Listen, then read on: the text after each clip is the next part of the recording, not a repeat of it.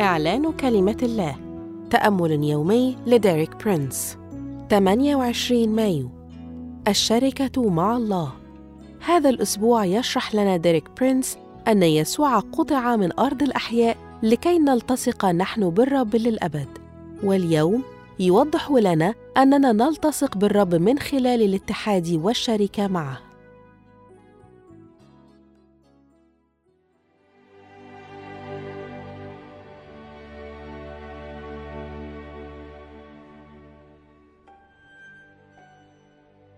في بستان جثيماني استل بطرس سيفه وضرب به عبد رئيس الكهنة في محاولة لحماية يسوع فقال له يسوع في يوحنا 18 العدد أحد عشر اجعل سيفك في الغمد الكأس التي أعطاني الآب ألا أشربها؟ رغم أن عمل الفداء لم يكن قد اكتمل بعد على الصليب إلا أن يسوع قال بأنه سوف يشرب كأس الآلام التي أعطاها الآب له حتى الثمالة. وحقا استنفد يسوع الكأس بالكامل. لقد اجتاز الموت في ثلاثة جوانب. اولا اختبر الموت الروحي. ثانيا اختبر الموت الجسدي. ثالثا اختبر النفي أي الانفصال الروحي عن الله. لقد ذاق يسوع الموت نيابة عن كل شخص لتصير لنا الحياة. وهذه الحياة تتمثل في ذات الجوانب الثلاث التي اجتاز فيها يسوع بالموت. اولا لدينا حياة روحية.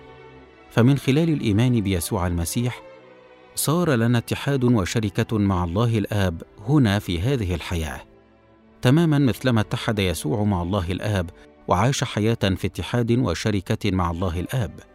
قال يسوع في إنجيل يوحنا عشرة العدد ثلاثين أنا والآب واحد. كان هذا هو الحال حتى وضعت آثامنا عليه على الصليب وانفصل عن الآب. قطع من أرض الأحياء لكي نتحد نحن مع الآب.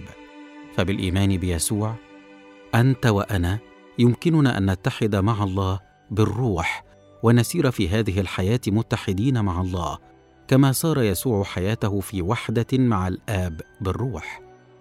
هذا هو الغرض النهائي للبشارة. يخبرنا الرسول يوحنا في رسالته الأولى واحد العدد ثلاثة. الذي رأيناه وسمعناه نخبركم به لكي يكون لكم أيضا شركة معنا. وأما شركتنا نحن فهي مع الآب ومع ابنه يسوع المسيح. لقد فقد يسوع شركته مع الآب من أجلنا لكي يكون لنا نحن حياة شركة مع الآب. ربي يسوع أشكرك من أجل عملك على الصليب لأجلي. أعلن أن يسوع ذاق الموت ليكون لي حياة وأنه قطع من أرض الأحياء ليكون لي وحده وأنه خسر شركته ليكون لي شركة. وأعلن إيماني أن الرب يسوع قطع بالموت لألتصق أنا بالرب للأبد. آمين. للمزيد من الكتب والعظات لديريك برينس قم بزياره موقعنا www.dpmarabic.com